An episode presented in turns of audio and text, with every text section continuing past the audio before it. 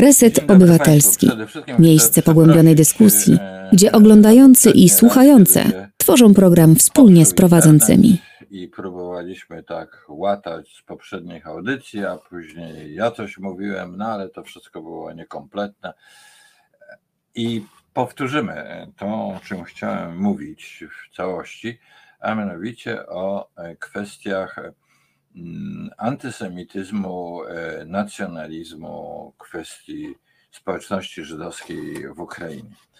E, Temat to jest ważny, ponieważ e, mm, no, to jest przedmiot, był przez długi czas przedmiot propagandy moskiewskiej przeciwko Ukraińcom. W ramach tej propagandy wszyscy Ukraińcy to banderowcy, a wszyscy banderowcy to antysemici.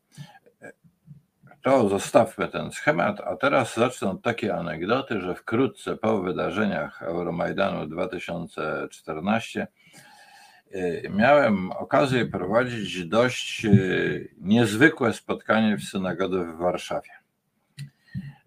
Bohaterem tego spotkania był Józef Cizels. To jest działacz mniejszości żydowskiej w Ukrainie, ale też działacz tych światowych związków y, Żydów. Przyjechał z Kijowa do Polski, żeby właśnie przeciwdziałać y, rosyjskiej propagandzie. Przypominam, to się dzieje po Majdanie, Euromajdanie 2014 roku. I on y, przekonywał, przyjechał do Warszawy po to, żeby powiedzieć, że y, społeczność żydowska w Ukrainie popiera absolutnie tą rewolucję y, Majdanu i że to, co głosi mm, propaganda rosyjska, to jest y, czysty wymysł. To zresztą były cały tur, bo on z Warszawy pojechał do innych stolic europejskich, gdzie spotykał się z najrozmaitszymi gminami żydowskimi, a mnie poprosił, żeby to spotkanie w e, synagodę poprowadzić jako Szabezgoja. I, i mm, uczestnicy tego spotkania, e, i członkowie mm, e, społeczności żydowskiej nie zaprzeczali otwarcie temu, co on mówił, ale to się wyraźnie kłóciło ze stereotypem, który posiadali, który w tym czasie bardzo intensywnie podtrzymywała ta propaganda propaganda rosyjska. No a więc e, powiem, ten jego e, wyjazd do, e, do Warszawy i gdzie indziej po stolicach europejskich był jak najbardziej na czasie i potrzebny. No, ale to, co mówił Sizot, oczywiście Józef Sizot było szczególnie e, wiarygodne. E, No dlaczego? Nie tylko z uwagi na jego pozycję w społeczności e, żydowskiej w Ukrainie, ale mm, to jest człowiek, który dojrzewał, bardzo ciekawej biografii, który dojrzewał w środowisku żydowskim w Czerniowcach, aczkolwiek urodził się bodajże w Kazachstanie i później jego rodzice przyjechali do Czarniowiec. Z wykształcenia był e, fizykiem. To bardzo częsty przypadek, że ktoś, kto był dysydentem uprzedza e, rosyjskim, a właśnie on był, to byli matematycy i fizycy. No, matematyka i fizyka uczy porządnego myślenia i trudno e, robić karierę w matematyce e, samymi cytatami z Lenina. Y, mm, jego lektury i droga intelektualna doprowadziły go do kręgów dysydenckich. On mm, wydał bardzo ciekawą taką mm, książkę. Y, To jest wywiad, który przeprowadziła znakomita y, polska ukrainoznawczyni pani Chruścilińska. A ja się pochwalę, proszę Państwa, jeżeli to będzie widoczne. Tu jest dla mnie dedykacja od Cizelsa. I on opisuje tą swoją drogę mm, y, y, do środowisk dysydencji. Najpierw miał kontakty z Moskwą, ale z czasem y, w naturalny sposób coraz więcej ze środowiskiem kijowskim dysydenckim. I w roku 78 wszedł w skład ukraińskiej grupy helsińskiej, co właściwie było tak wtedy jak podpisanie na siebie wyroku. Całe lata przesiedział później w Łagrze. Ale teraz jest bardzo to znaczące, że on zbliżając się do tych ukraińskich dysydentów, no, coraz bardziej zaczął doceniać problematykę narodową ukraińską. Dodam, że w tej grupie helsińskiej był on z, razem z Szuchewyczem, synem tego Szuchewicza z UPA. No więc widzimy, że dwa bardzo różne środowiska, które mogły mieć do siebie najrozmaitsze uprzedzenia.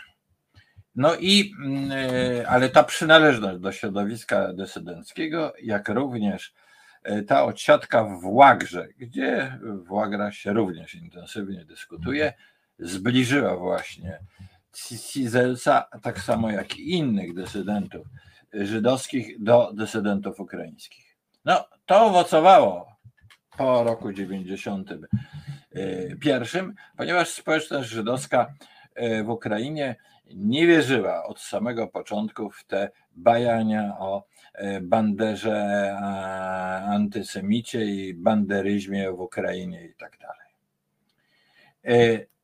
Ta moskiewska kampania rozpętana w 2014 roku, zarzucająca Ukraińcom antysemityzm, szybko się załamała. No między innymi dzięki działaniom takich osób jak Józef Cizers. I odwróciła się, i to jest takie tragikomiczne, o 180 stopni, bo kiedy nie można było jakoś dowieść i opluwać Ukraińców pauszal wszystkich jako antysemitów, to prezydenta Poroszenko zaczęto szkalować jako Hazara. No, to Hazar to było takie mm, księstwo Hanat średniowieczne tam na północnym Kaukazie, czy na dzisiejszych terenach no, wschodnio, wschodnio-południowej Ukrainy. I, I ono miało, to nie byli Żydzi, ale przejęli, przejęli mozaizm, przejęli wiarę żydowską. I, I teraz nazwanie kogoś Hazarem przez Rosjan było mniej więcej takim samym zabiegiem, jak mówienie o, o Żydach sionista, prawda?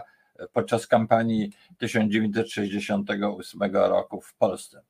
Dodam tak całkiem na marginesie, że ten Hazar mógł się tym Rosjanom wziąć nieprzypadkowo z tego powodu, że w czasach Mazepy szlachta kozacka, szukając tak jak i szlachta polska jakichś takich wyraźnych korzeni odróżniających je od pospolitego ludu, uważała, że może pochodzić od Hazarów. To tak jak polska szlachta chciała pochodzić od Sarmatów. Nie wiem, czy to inspirowało. Akurat inspirowało Rosjan. W każdym razie prezydent Poroszenko został na koniec Hazarem, czyli Żydem i cały program przedstawienia w tamtym czasie Ukrainy jako kraju e, antysemickiego się załamał.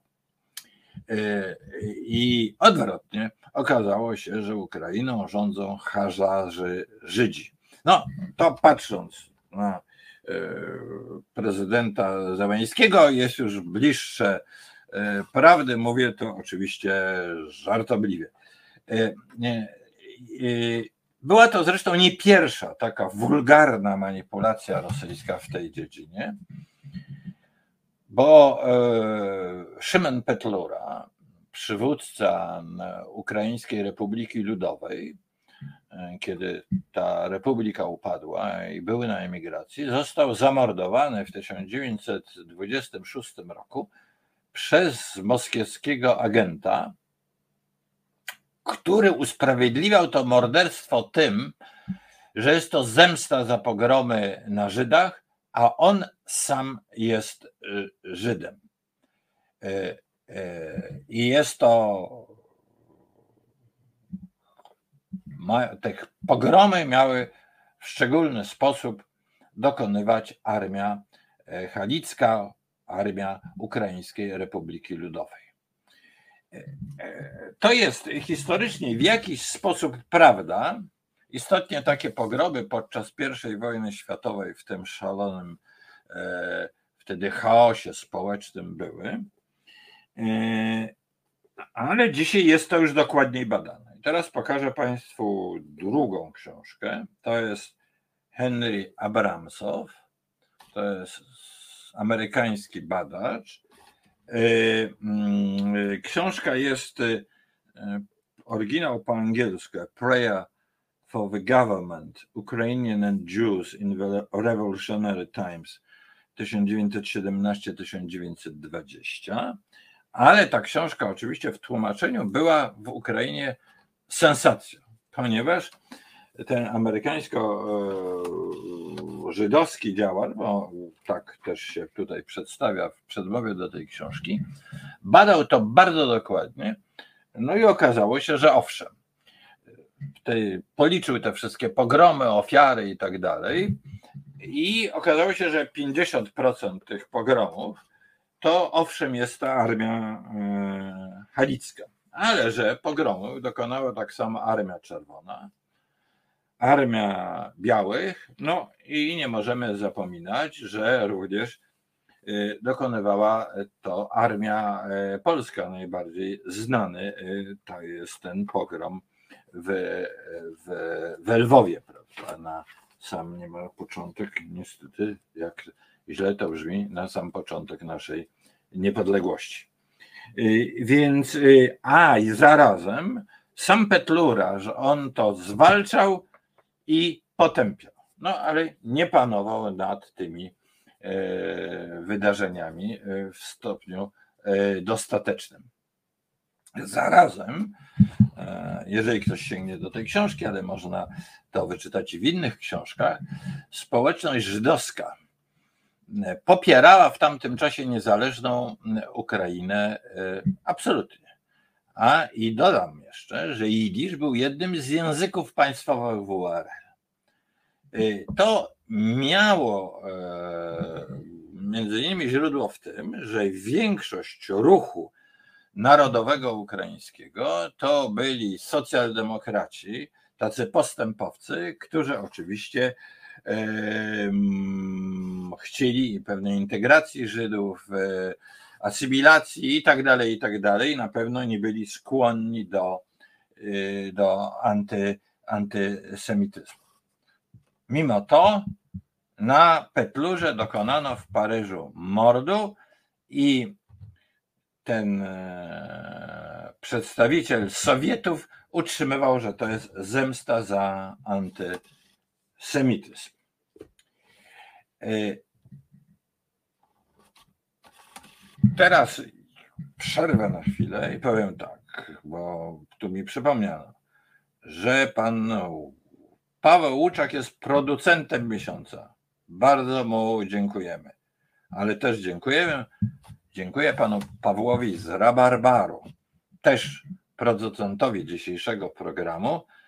Namawiam państwa wszystkich do takiej dla nas e, pomocy i obu Pawłom serdecznie dziękuję. No dobrze. Jak jest dalej? Zarzut antysemityzmu był podnoszony następnie wobec UPA. E, to e, ma dosyć bogatą historię również w, w Polsce po wojnie, ponieważ no, w PRL o UPA starano się mówić jak najgorzej, e, ale ponieważ Ukraińcy byli obywatelami Związku Radzieckiego, to nie mówiono o antysemityzmie w Ukrainie, ale w, mówiono o e, UPA, jakoś czymś szczególnie e, wyróżnionym, okropnym, wstrętnym i tak dalej. E, dopiero po upadku Związku Sowieckiego zarzut antysemityzmu UPA E, antysemityzmu Moskwa rozszerzyła na cały ruch e, narodowy ukraiński. Przypisując niepodległej Ukrainie e, skrajny nacjonalizm i jak gdyby cofając się w czasie wszystko to, co miało być niezależne, niepodległościowe w Ukrainie miało być okropne i anty, antysemickie.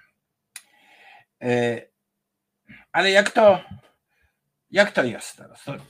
Jak dzisiaj jest, już żeśmy się e, dowiedzieli, jakie jest stanowisko e, Cizelca, społeczności żydowskiej.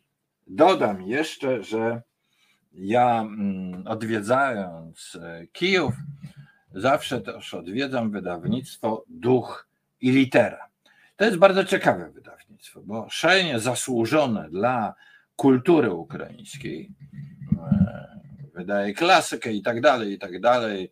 Takie bardzo zaawansowane, intelektualne dyskusje, takich najpoważniejszych głowy ukraińskie tam publikują, ale zarazem jest to wydawnictwo żydowskie, poświęcające się literaturze religijnej.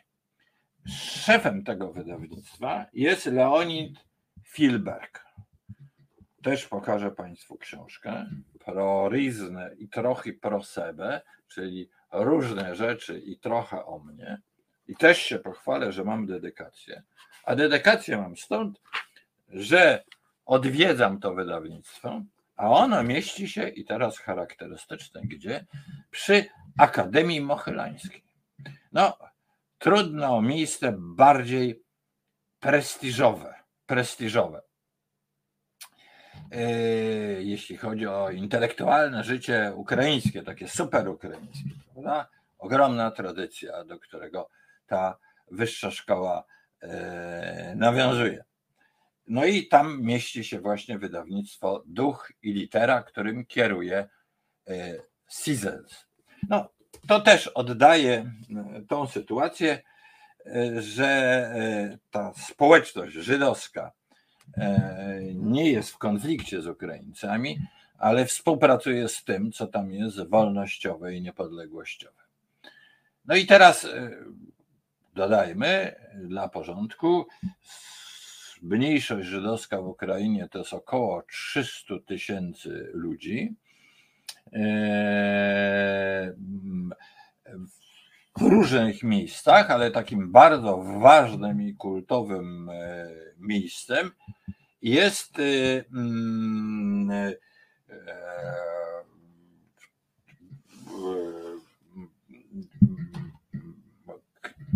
centrum takie hasyckie, w którym działał, działał rabin Cadek Nacham. To, to jest i to jest Humań. No, wszyscy wiemy, co to jest Humań. To jest ta ogromna, to jest Koliszczyzna, to jest ta okropna rzeź w 1768 roku. I dzisiaj to jest ważne też centrum religijne dla Żydów. Dodajmy, to jest też Humań, to jest też ten majątek Potockiego z Zofiówką i tak dalej. I i można się tam udać z pielgrzymką do grobu Arabiego Nachmana. Y, dlaczego właśnie tam? Bo on postanowił osiedlić się w Hubaniu już pod koniec życia. I mm, z jakim przesłaniem kilkadziesiąt lat po, tragedii, po tej tragedii tego pogromu to się działo, głosząc, że wzywają go tam dusze umarłych za wiarę. Było to przesłanie, aby pokonać strach przed złem. E, I w dzisiejszym Humanie istnieje dzielnica żydowska. Jest to e, miejsce, w których pielęgnowana jest e, hasycka kultura, miejsce bardzo, bardzo ważne dla społeczności żydowskiej, nie tylko w Ukrainie, ale i w całym świecie. I teraz y, y, spróbujmy się, no przepraszam, jeszcze muszę jedno dodać. Oczywiście słyszeli Państwo o Babim, Babim Jarze. No, to mm, również jest, no, z uwagi na, na to, co się tam odbyło, to ludobójstwo zginęło tam wiele narodowości, ale przede wszystkim Żydzi z Kijowa, ale dopiero po 1991 roku Babi Jar uczyniono miejscem pamięci ogólnonarodowej dla Ukraińców i zarazem o światowej randze. Przez długi czas, do lat połowy lat 60., było to wysypisko jakichś odpadów i dopiero katastrofa, która tam wynikła, spowodowała, że teren oczyszczono i postawiono tam jakieś pierwsze bardzo drobne upamiętnienie. Dzisiaj dzięki niepodległości Ukrainy to mauzoleum Babiego Jaru jest czymś bardzo zniszczo, znaczącym. No i trzeba powiedzieć też rzecz bardzo smutną. Zostało ono zniszczone teraz ostrzałem rakietowym w lutym 2022 roku. Prezydent Załęski przypomniał o tej masakrze wtedy, jakiej dokonali naziści i powiedział, że historia się powtarza. Tak, historia się powtarza. Putin przypomina Hitlera pod wieloma względami. I po kilku miesiącach wojny to stwierdzenie, że historia się powtarza, ma e, dla Ukrainów, dla Ukraińców i dla nas wszystkich tym silniejszą wymowę po ludobójstwie w Buczy i w innych miejscach. Dodać jeszcze trzeba, e, zanim ruszę trochę głębszą historię, że po wkroczeniu Rosjan do Mariupola została zniszczona synagoga, e, która trwała tam bez najmniejszego uszczerbku przez 8 lat, a Mariupol to było miejsce stacjonowania pułku Azow, w którym rzekomo cały czas Moskwa twierdziła, że służą naziści. No i nazistą ma być też dzisiaj prezydent Zeleński, już nawet nie jak Poroszenko Hazarem. I teraz bardzo Państwa proszę o posłuchanie przez chwilkę muzyki. Ja przeczytam Państwa komentarze i będziemy kontynuowali dalej. Reset Obywatelski.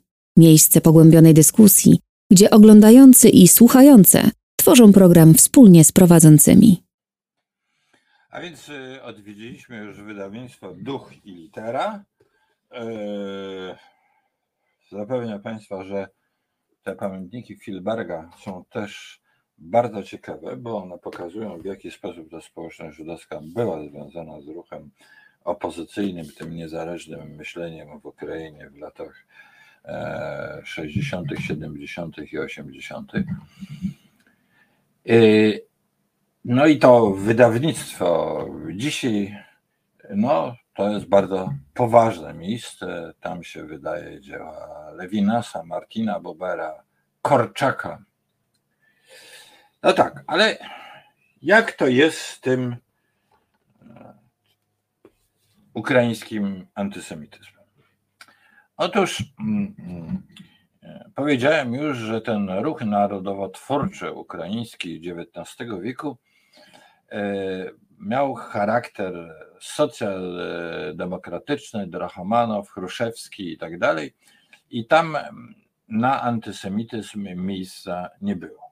Ale mm, i to była większość. No, oczywiście byli też inni, tacy mm, narodowi e, demokraci, ale to nie przypomina polskiej endecji, tylko chodzi o kierunek jak Łupiński, czy też y, no, ktoś też uważany za ojcem e, e, e, nacjonalizmu ukraińskiego, to jest Michnowski. Proszę bardzo.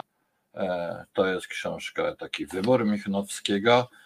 Teraz Ukraińcy bardzo dużo wydają takich y, źródeł. Niestety, proszę Państwa, nie mam żadnej dedykacji od Michnowskiego, bo zmarł on w latach dwudziestych. No dobrze, więc ale ten ruch czysto nacjonalistyczny, w tym oczywiście XIX-wiecznym słowo znaczenie, był absolutnie mniejszościowy.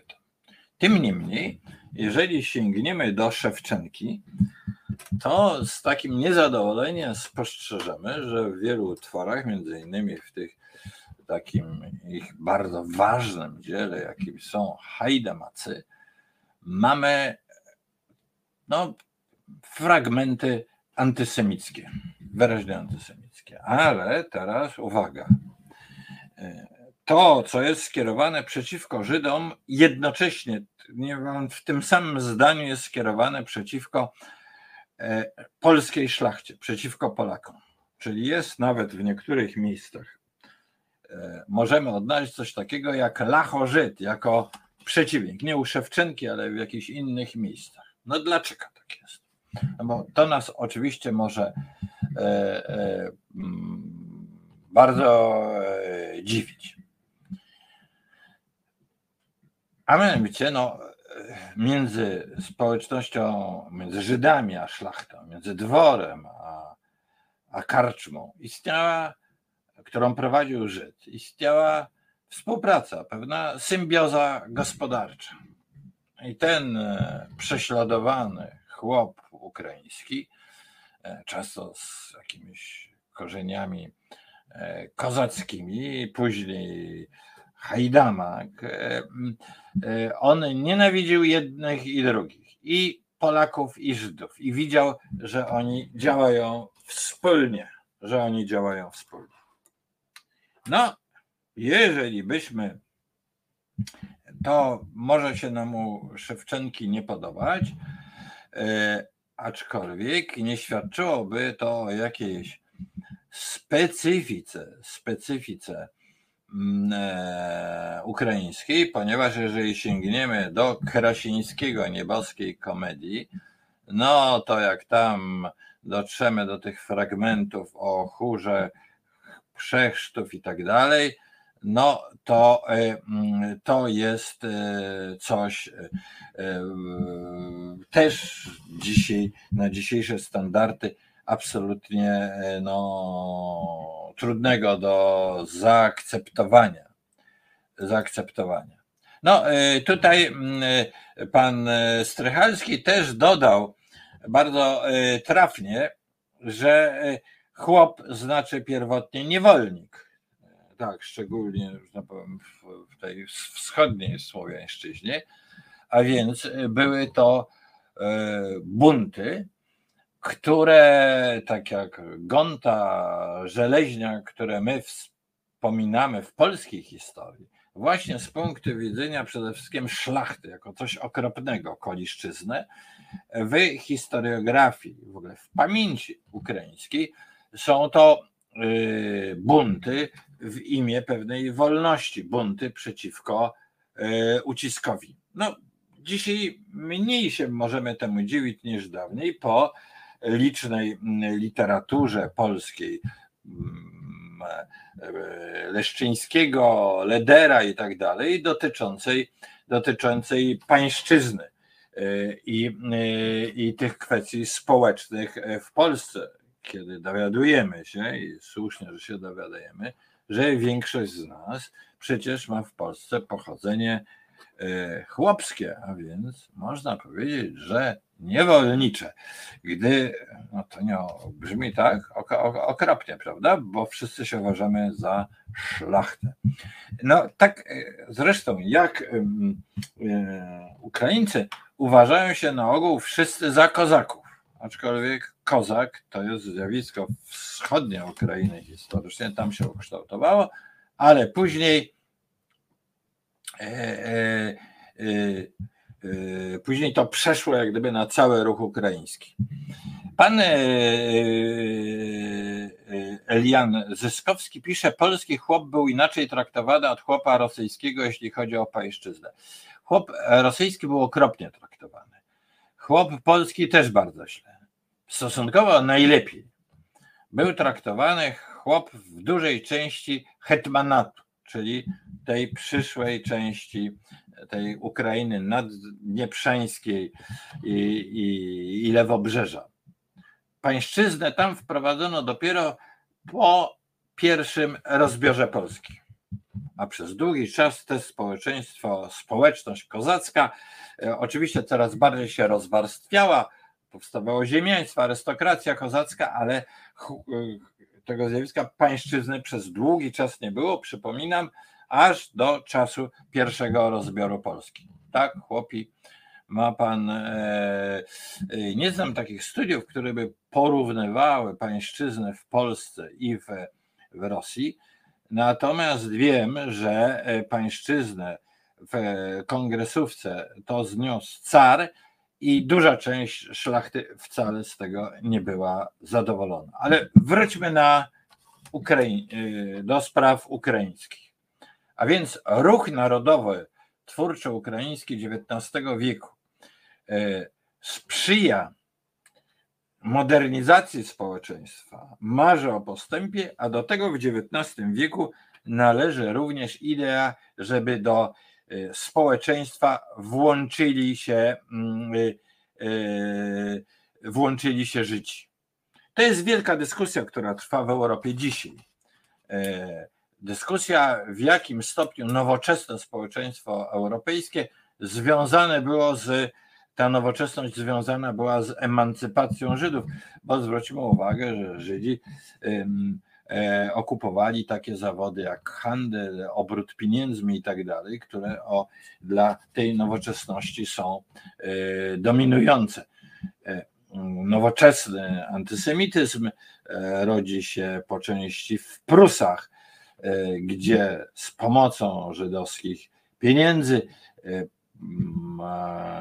monarcha modernizuje państwo, co bardzo nie podoba się części Junkrów e, pruskich. Pierwszy tom Hannah Arendt, przypominam to bardzo znaczącą książkę e, o źródłach e, totalitaryzmu. W, we wschodniej Europie miało to inny wymiar, ponieważ gospodarczo było to to tereny zapóźnione, tym niemniej ta symbioza szlachty, ziemiaństwa z Żydami gospodarcza powodowała ten chłopski, ludowy antysemityzm. Ale ruch narodowo-ukraiński temu się przeciwstawiał i również u Michnowskiego nie mamy jakichś bardzo znaczących elementów antysemickich. Nawet nie, po prostu nie ma. Natomiast pojawia się to u Dońcowa, który był czytany przez UPA. To jest e, sytuacja mm, nowa po I wojnie światowej. E, pojawia się rzeczywiście bardziej agresywny ukraiński nacjonalizm, wywołany porażką sprawy ukraińskiej w I wojnie światowej. No, zwróćmy uwagę na pewien paradoks, jakim jest e, to, że nawet tak małe narody jak Litwini, Łotysze zyskują niepodległość, a bardzo liczny naród, społeczność ukraińska e, e, niepodległości nie zdobywa. No i ta frustracja powoduje, że Dońcow jako teoretyk zastanawiający się nad tą sytuacją dochodzi do wniosku, że należy postępować jak? Jak Polacy. Jest wielbicielem zarówno Dmowskiego, jak i Piłsudskiego. Mówi, no proszę bardzo, właśnie tak, trzeba organizować armię, trzeba postępować ostro, Piłsudski. I zdobyli ci Polacy niepodległość. A Dmowski, no proszę bardzo, jak on analizuje sytuację. Też w zdecydowany sposób i zresztą twórczość Dońcowa jest w dużym stopniu inspirowana lekturami, e, lekturami Dmowskiego, ponieważ sam Dońcow w młodości był, e, był socjalistą. Legendarny. Nikt tego nie potwierdził. Miał się podobno spotkać w jakimś momencie z Piłsudskim, który mu właśnie poradził, żeby socjalistą być przez to, jak wiemy, z tego tramwaju, czerwonego tramwaju Piłsudski sam wysiadał. No i to jest okres, kiedy y, ten nacjonalizm jest ostry, jak również y, w Udańcowa pojawiają się zdecydowanie elementy antysemickie. Y, UPA istnieje to w UPA, no ale przypomnijmy sytuację UPA, prawda, która walczy na wszystkie trzy strony. Walczy z Niemcami, z Rosjanami, z Polakami, bo chce stworzyć no bez jakiejś wizji politycznej, ale wyłącznie walką ukraińskie e, państwo. Ten okres, ja nie znam literatury, która by poruszała tą kwestię e, UPA, e, antysemityzm. Sądzę, że na pewno takie badania są prowadzone. Ci, którzy w jakiś sposób z tą tradycją mają do czynienia, podkreślają, że niektórymi żołnierzami e, UPA byli Żydzi, ale jak wiemy, e, nie musi być to przekonujące, bo każdy antysemita ma swego Żyda, prawda, który ma to rzekomo usprawiedliwiać jego antysemityzm. Więc to jest ta głębsza historia, oczywiście. Historia społeczna XVIII i XIX wieku, gdzie Antysemityzm jest zjawiskiem realnym. Przypominam, na terenach ukraińskich tym przeciwnikiem ukraińskim jest Lacho-Żyd, szlachcic i Żyd, którzy współpracują gospodarczo. To jest coś innego niż na ziemiach polskich. To y, ten antysemityzm ma miejsce w, u Dońcowa, w twórczości Dońcowa i w y, UPA, to są podobne zjawiska jak antysemityzm w tym czasie e, w Polsce. E, I paradoksalnie, paradoksalnie, Żydzi i Ukraińcy pogodzili się w łagrach rosyjskich, w, w łagrach sowieckich w latach 60., 70. i 80. Tam mogli, no, brzmi to dziwnie jak powiem, mieli czas, żeby sobie pewne rzeczy wytłumaczyć i dzisiaj społeczność e, żydowska w jednoznaczny, w jednoznaczny sposób popiera, e, popiera to, co jest niezależne i co jest wolnościowe w e, Ukrainie. E, i stanowi bardzo ważny taki dort intelektualny. To, że mm, nie ma, mm, ktoś tutaj napisał teraz bardzo ważną rzecz, a mianowicie, że szuka jakichś materiałów na temat Azowo. Więc jest książka pana e, e, Dobrowolskiego na temat Azowa. To jest nawet mój student, który to jest jego praca magisterska, całkiem niezła w tej chwili nie mam tej niestety książki tutaj przy sobie, nie chcę odchodzić od kamery. E, mm, e, pułk e, Azow powstał właściwie, jego korzenie są w Charkowie. Powstał w kręgu ludzi z, z, z kibiców sportowych tamtejszego klubu piłkarskiego. Kibiców, sport, kibiców piłki nożnej. E, no, tacy młodzi ludzie są energiczni. I od tego czasu mm, e, z Charkowa obronił, ci wolontariusze z Charkowa obronili Mariupol i stąd się wziął ten Azow. Azow oczywiście był, e, jest w propagandzie mm, rosyjskiej czymś najgorszym. No, zrozumiałe, dlaczego Rosjanie nie znoszą Azowa, ponieważ to byli młodzi ludzie, którzy w roku 14 od razu wyruszyli na front jako wolontariusze, e, zapobiegli, e, zapobiegli stworzeniu e, nowej Rosji w wielu miejscach, tak jak w Mariupolu, w Charkowie i tak dalej. Mm, losy tego ugrupowania może nie są skomplikowane, ale ono początkowo było obok armii y, ukraińskiej, potem weszło do armii ukraińskiej, a e, następnie jest tam cały taki ruch azowski Gwardii Narodowej, która, która jak gdyby te oddziały wspiera. No, to jest niewątpliwie ludzie w ruchu, mm, tendencjach prawicowych, natomiast powiem Państwu, że ja miałem okazję z nimi rozmawiać. uważam, że oskarżenie ich o faszyzm jest całkowicie fałszywe.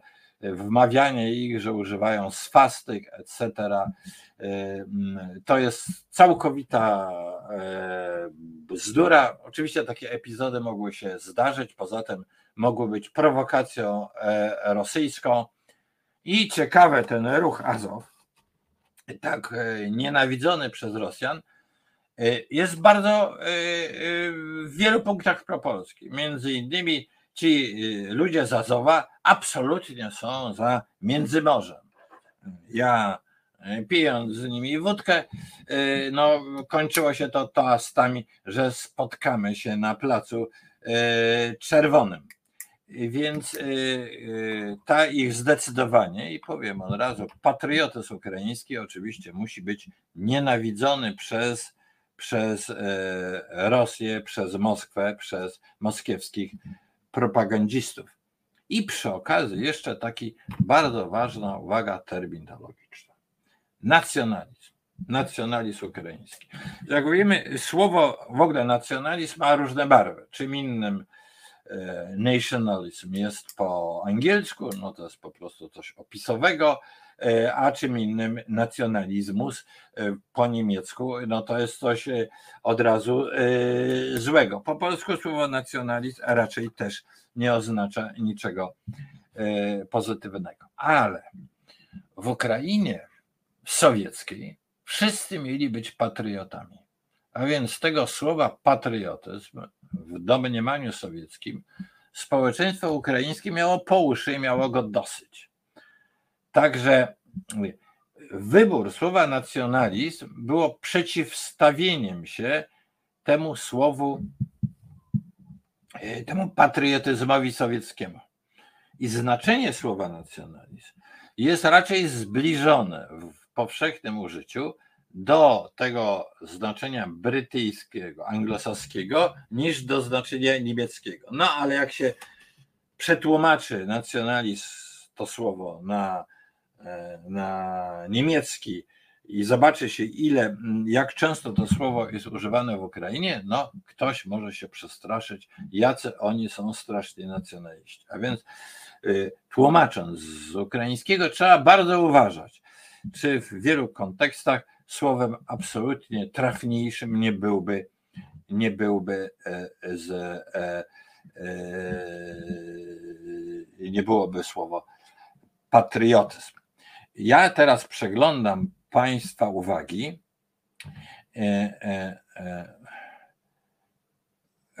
Pan Szyndlarewicz pisze ciekawy ja rozumiem, że to jest taki skrót myślowy pański. Ciekawy kontrakt z rodzimą Żydokomuną. W każdym razie podstawą zawsze jest antysemityzm. No tak, no u nas to się kształtuje, prawda? No, zestawienie lachożyt jako przeciwniki. I, i no, no to jest dla nas e, trudno do, do, mm, e, do mm, e, zrozumienia. No ale o tym decydowały Y, tamtejsza konfiguracja społeczna. I pisze pan, siłą rzeczy przejęliśmy znaczenie u nas po NSDAP. Wie pan, tutaj byłbym polemizował no, antysemityzm we wszystkich krajach europejskich. Niestety jest, jest y, czymś rodzimym, ma różne y, przyczyny społeczne, widzimy troszkę inne w, w w, w Ukrainie, trochę inny w Polsce. Ogólnie uważa się, że powstawanie państw narodowych wyłączyło tej koncepcji państw narodowych nie było miejsca dla Żydów i to spowodowało, y, te elity przejmowały też pewne wzorce dawniejsze i to wywołało, wywoływało, tworzyło ten Y, nowoczesny antysemityzm, który w, e, w Niemczech, e, wspomniał Pan NSDAP, skończył się tak strasznie. No, w, każdy kraj ma ten problem z antysemityzmem, e, mniejszy lub większy. Dodam teraz na koniec dwie rzeczy. Pierwsze to są badania Pew Instytutu, e, jednego z najważniejszych takich instytutów badających takie porównawcze, światowe, prowadzące poszukiwania socjologiczne. Otóż mm, jest w takiej mierze antysemityzmu wyznaczony, które są wyznaczonymi takimi pytaniami, czy chciałbyś mieć sąsiada za Żyda, czy chciałbyś mieć y, Żyda w rodzinie przez małżeństwo, dzieci i tak dalej. Otóż, proszę Państwa, czy też może pytanie sformułowane w tych badaniach, czy nie chciałbyś? Otóż 15% Polaków nie chciałoby mieć Żyda w rodzinie, e, ani za sąsiada, a tylko 5% nie chciałoby mieć Żyda w rodzinie lub za sąsiada wśród Ukraińców. No, to jest wielkim uproszczeniem powiedzenie, że antysemityzm w Ukrainie jest pięć razy, e, czy, przepraszam, trzy razy słabszy niż, niż w Polsce. No, ale jednak warto o tym wiedzieć, że takie badania są. No i teraz jeszcze coś jednego, a mianowicie, że we wszystkich wyborach w Ukrainie po w niepodległej Ukrainie partie nacjonalistyczne, już nie mówię w tej chwili o tym elemencie antysemityzmu, były absolutnym marginesem. Zdobywały 2-3%. No, taką partię jak Swoboda, w niektórych miastach czasem mogły rządzić, jak przez pewien czas w Stanisławowie, czyli w Iwano-Frankiwsku. Natomiast y, mm, y, w wyborach, nawet po 2014 roku, partia Swoboda, więc ta nacjonalistyczna, zdobyła mniej głosów, znaczy jej kandydat w wyborach prezydenckich zdobył mniej głosów niż kandydat o wyraźnie żydowskim nazwisku, który tak się przedstawia. Ciekawa, prawda? W tym świetle ciekawie brzmi ten zarzut o jakiś ogólnoukraiński antysemityzm. No i oczywiście koronnym, tutaj Państwo to zaznaczali, koronnym argumentem jest to, że Załęski jest Żydem i prezydentem Ukrainy. Absolutny bohater w tej wojnie, prowadzący ten kraj w niezwykle odważny sposób. E, broni, e, broni go przed tą nawałą rosyjską i nie kryje się absolutnie z tymi korzeniami. Nawet tam, gdzie można i jest to użyteczne, wykorzystuje to. I to nie stanowi tam żadnego, żadnego problemu. No, problem mają tylko Rosjanie. Ukrainą rządzą żyć. Teraz to mogą powiedzieć. No i dla każdego antysemity brzmi to okropnie. Dla polskiego antysemity też mogłoby to brzmieć okropnie, że w Ukrainą rządzą Żydzi, ale chyba w tej sytuacji, jaką, jakiej jesteśmy, wszyscy życzymy Ukrainie zwycięstwa i podziwiamy prezydenta Zełęńskiego w sposób, jaki kieruje tym krajem w tak niezwykle trudnej sytuacji. Więc nie traktujmy propagandy rosyjskiej i w tym wypadku poważnie, jak również nie dajmy się nabrać na e, te zarzuty wobec pułku Azow, że to są jacyś okropni ludzie, e, naziści, antysemici i tak dalej. Nie. Zełęński, pułk Azow i ukraińska armia to są ukraińscy patrioci, którzy również walczą za naszą wolność. Dziękuję Państwu bardzo. Do następnego razu.